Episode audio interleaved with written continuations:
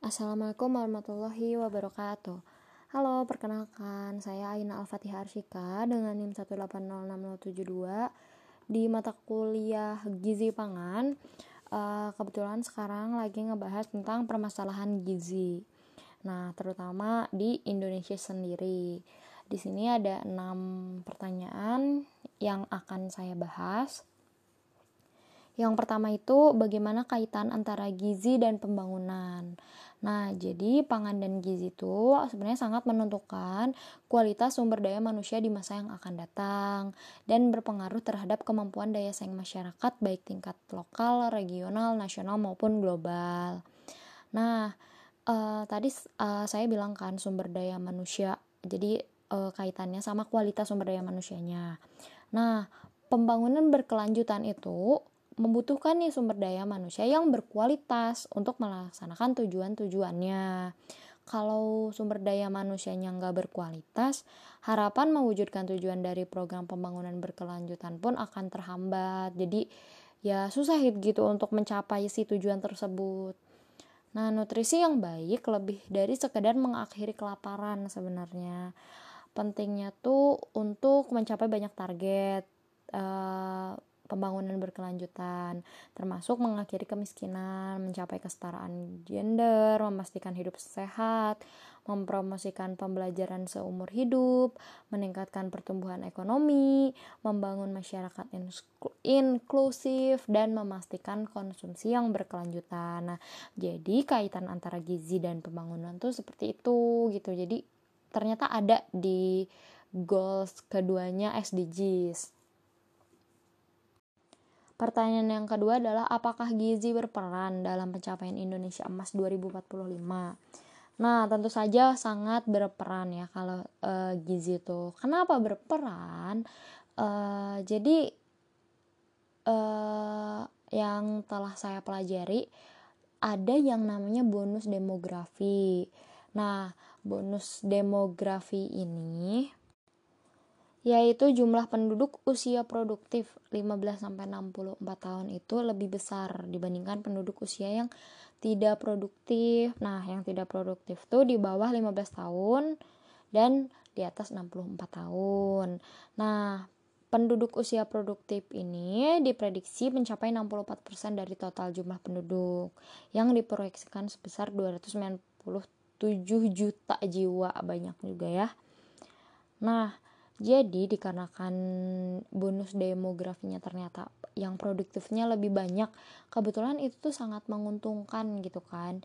Uh, jadi mungkin di 2045 nanti ya atau di masa yang akan datang nanti itu banyak orang yang produktif untuk bekerja, untuk berkegiatan dan lain-lain gitu. Tapi hal ini tuh akan menjadi dua mata pisau. Nah, kenapa dua mata pisau? Karena akan menguntungkan atau merugikan. Menguntungkannya tuh kalau si usia produktif atau anak muda zaman sekarang tuh berkualitas.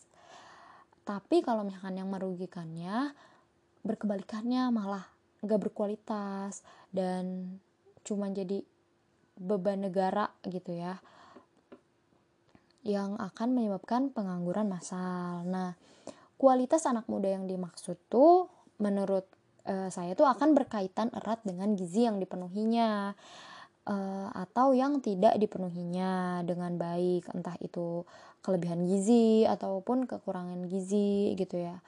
Nah, sumber daya manusia ini jadinya bakal susah gitu untuk diharapkan untuk berperan dalam Indonesia Emas tahun 2045.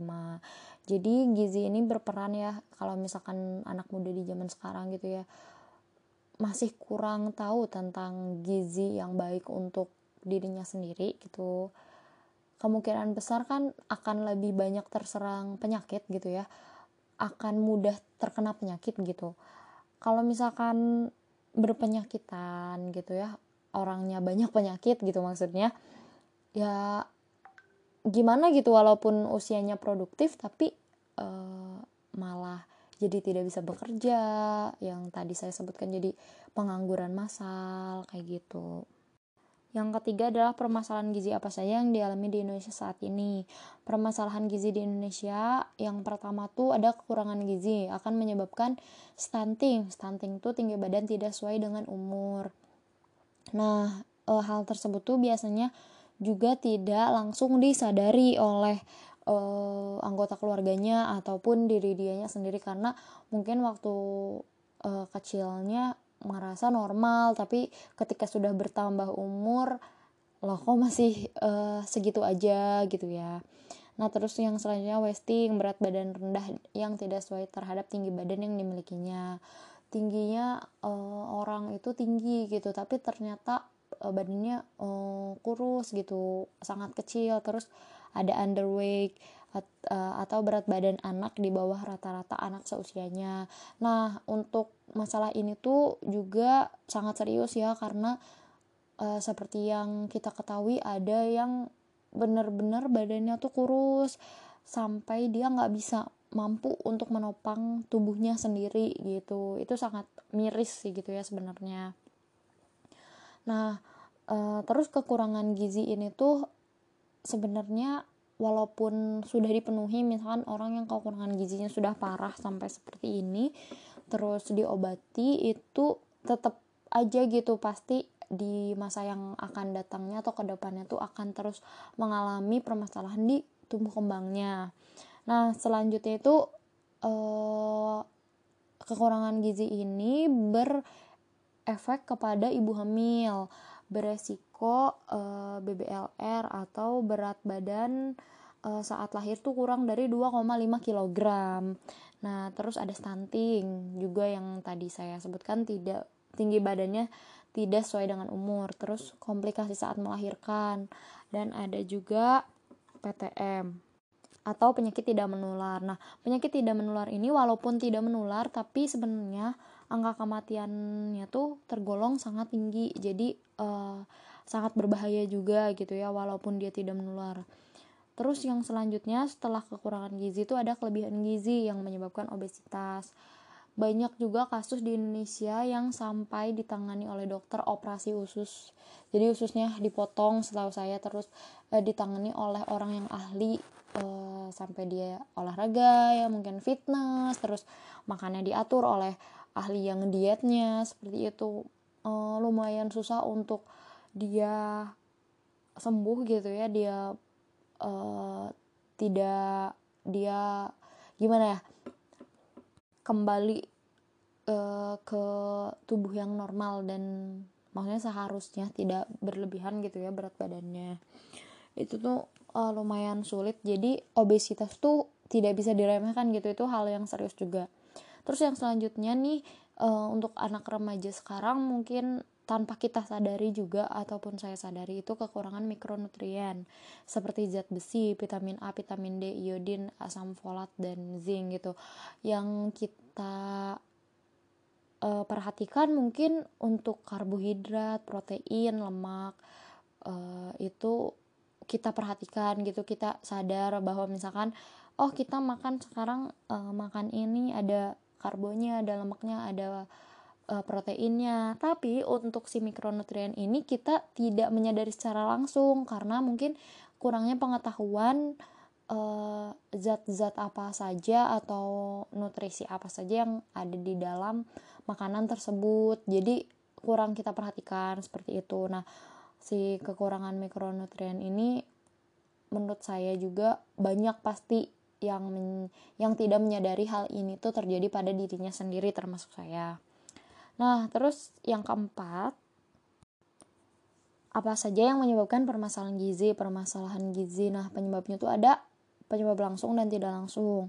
Yang pertama ini lebih ke ibu-ibu gitu, calon ibu atau uh, yang sudah melahirkan, yang sudah menjadi ibu.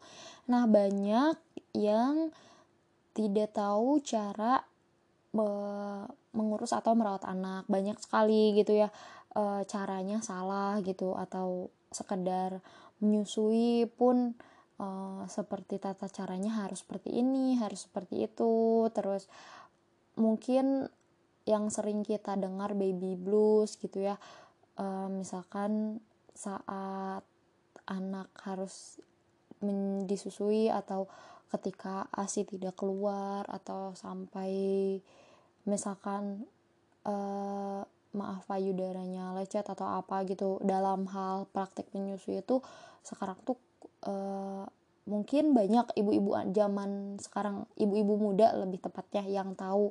Sedangkan mungkin ibu-ibu yang kurangnya akses internet dan lain-lain tuh masih uh, tidak tahu hal yang baik dan benar uh, saat praktek menyusui.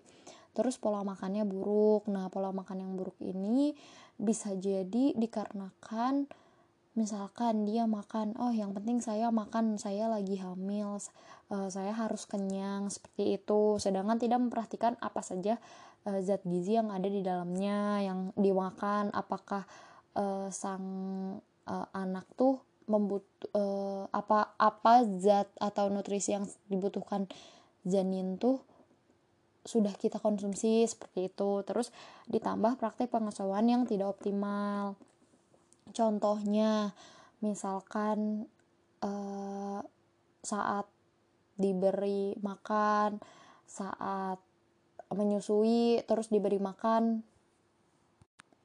Diberi makan tuh nggak tahu gitu ya misalkan harusnya di usia berapa bulan uh, teksturnya tuh lembut di usia berapa bulan harus naikin teksturnya lebih kasar seperti itu.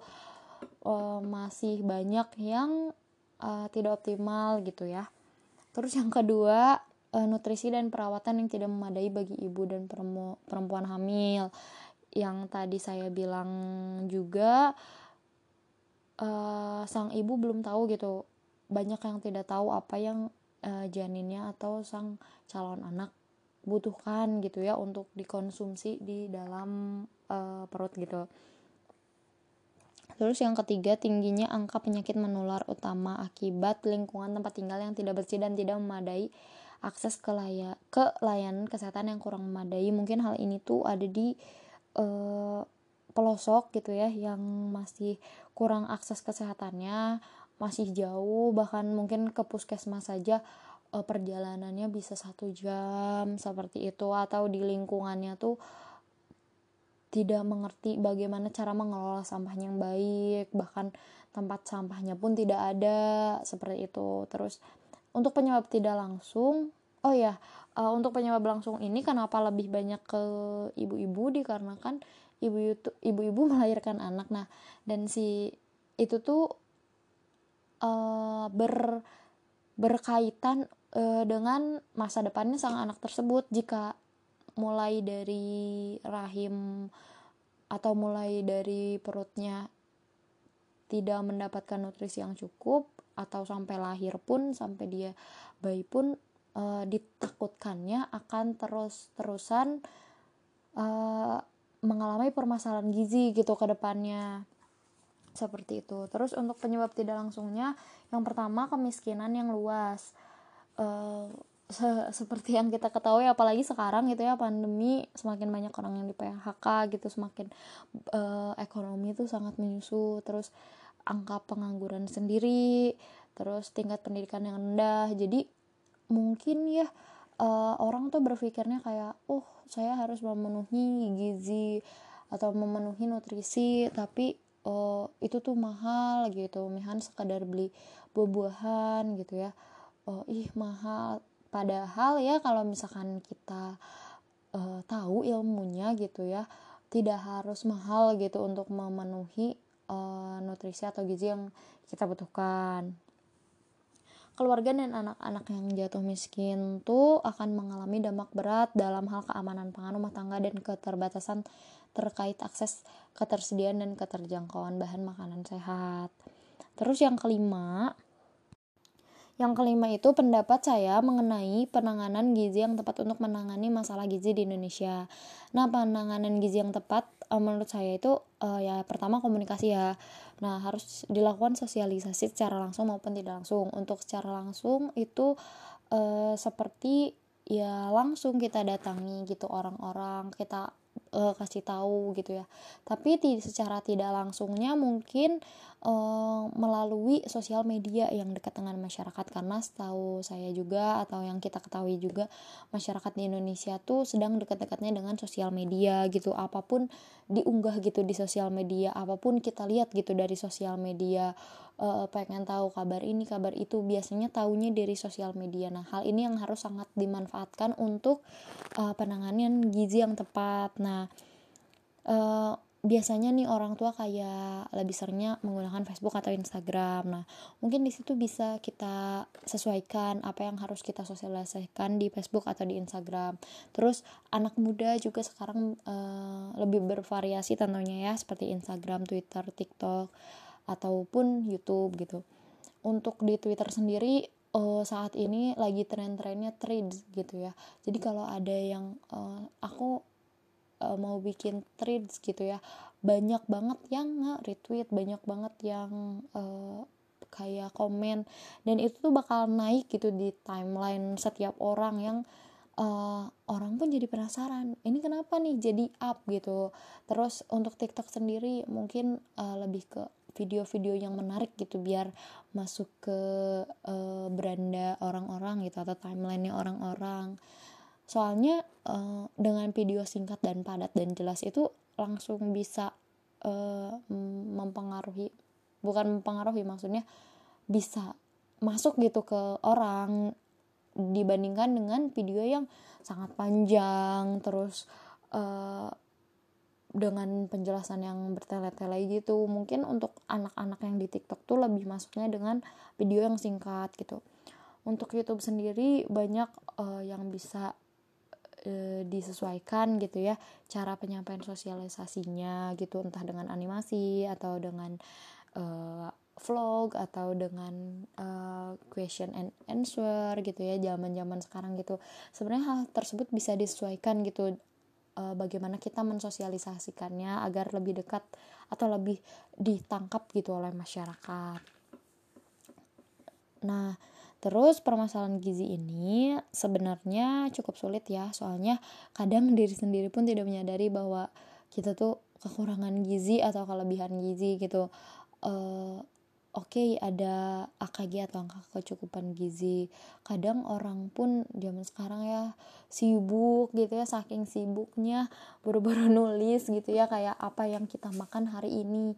Atau melihat uh, label gizi eh label ya label gizi di kemasan kayak gitu. Jadi emang harus ditekankan lagi gitu kepada masyarakatnya. Sejujurnya untuk saya sendiri uh, saya tidak merasa saya lebih aware tentang gizi ini setelah uh, mempelajari atau mengambil kuliah mata kuliah gizi pangan. Sebelumnya saya kayak gak memperdulikan apa pun gitu asalkan saya makan makan makan gitu. Uh, untuk permasalahan yang saya hadapi sendiri uh, lebih ke kekurangan berat badan. Terus saya mikirnya saya harus makan nasi banyak saya harus makan ini banyak. Ternyata bukan hanya itu saja gitu tapi ada hal-hal lain yang harus saya sebenarnya penuhi. Dan itu tuh yang saya saya baru awareness sekarang gitu ketika saya mengambil mata kuliah gizi pangan. Terus uh, seharusnya tuh kegiatan seperti posyandu itu enggak cuma dilakuin untuk bayi aja gitu ya.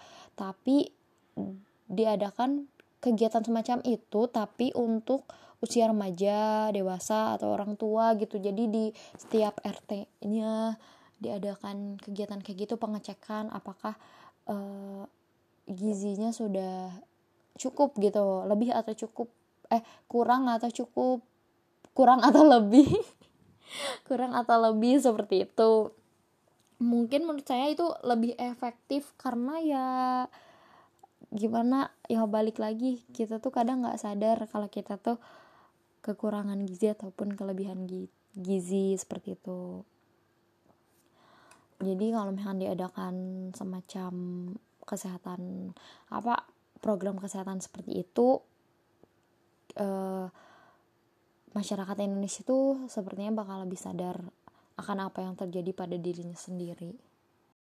Yang keenam tips apa saja yang Anda akan berikan gitu terkait pangan dan gizi agar dapat survive di masa pandemi ini. Nah, makanan bergizi itu udah saya bilang tidak selalu mahal kok, uh, selalu insya Allah terjangkau gitu. Sebaiknya untuk saat ini tuh usahakan makan, minum tuh yang diolah atau dibuat oleh sendiri di rumah gitu kita beli mentahnya di luar, entah itu uh, kita ke pasar dengan protokol kesehatan yang uh, dipenuhi ataupun kita berbelanja online gitu. Tapi diusahakan mengolahnya tuh di rumah. Soalnya uh, untuk di masa pandemi ini tuh sebenarnya sangat beresiko ya membeli makanan dari luar atau apalagi di pinggir jalan gitu ya. Kita nggak tahu ada orang bersin atau uh, yang jualannya nggak pakai masker yang belinya nggak pakai masker seperti itu. Terus kita juga perhatikan apa kita tuh udah memenuhi angka kecukupan gizi sulit sebenarnya cuman ya seharusnya seperti itu gitu ya. Karena kenapa kalau kita harus memenuhi angka kecukupan gizi? Menurut saya jika kita sudah memenuhi itu imun kita pun otomatis akan lebih baik lebih kuat seperti itu. Dan jangan lupa konsumsi vitamin yang mendukung imunitas tubuh. Terus jangan lupa jaga kesehatan uh, soalnya kalau menjaga eh jaga kebersihan dan kesehatan. Soalnya kalau kita menjaga kebersihan tuh ya e, berkaitan dengan pangan dan gizi gitu. Kalau misalkan kita makan tapi e, tangannya ternyata kotor gitu kan kita gak tahu apa yang tadi kita pegang kayak gitu. Jadi si kebersihan itu masih berkaitan dengan gizi pangan dan pandemi saat ini. Terus rajin berolahraga juga e, agar apa yang kita konsumsi bisa tercerna dengan baik dan metabolisme tubuh baik gitu Nah, hal yang penting juga nih yaitu ekonomi. Kenapa ekonomi? Karena ekonomi itu berkaitan dengan pangan gizi. Karena kita makan tuh butuh uang gitu. Jadi untuk membelinya tuh dibutuhkan uang gitu. Kalau kita tidak mempunyai uang atau ekonomi kita sangat rendah gitu ya.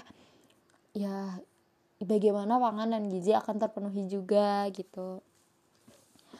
Nah, untuk ekonomi sendiri itu sebaiknya sekarang ya kita lihat peluang bisnis yang bisa kita penuhi gitu.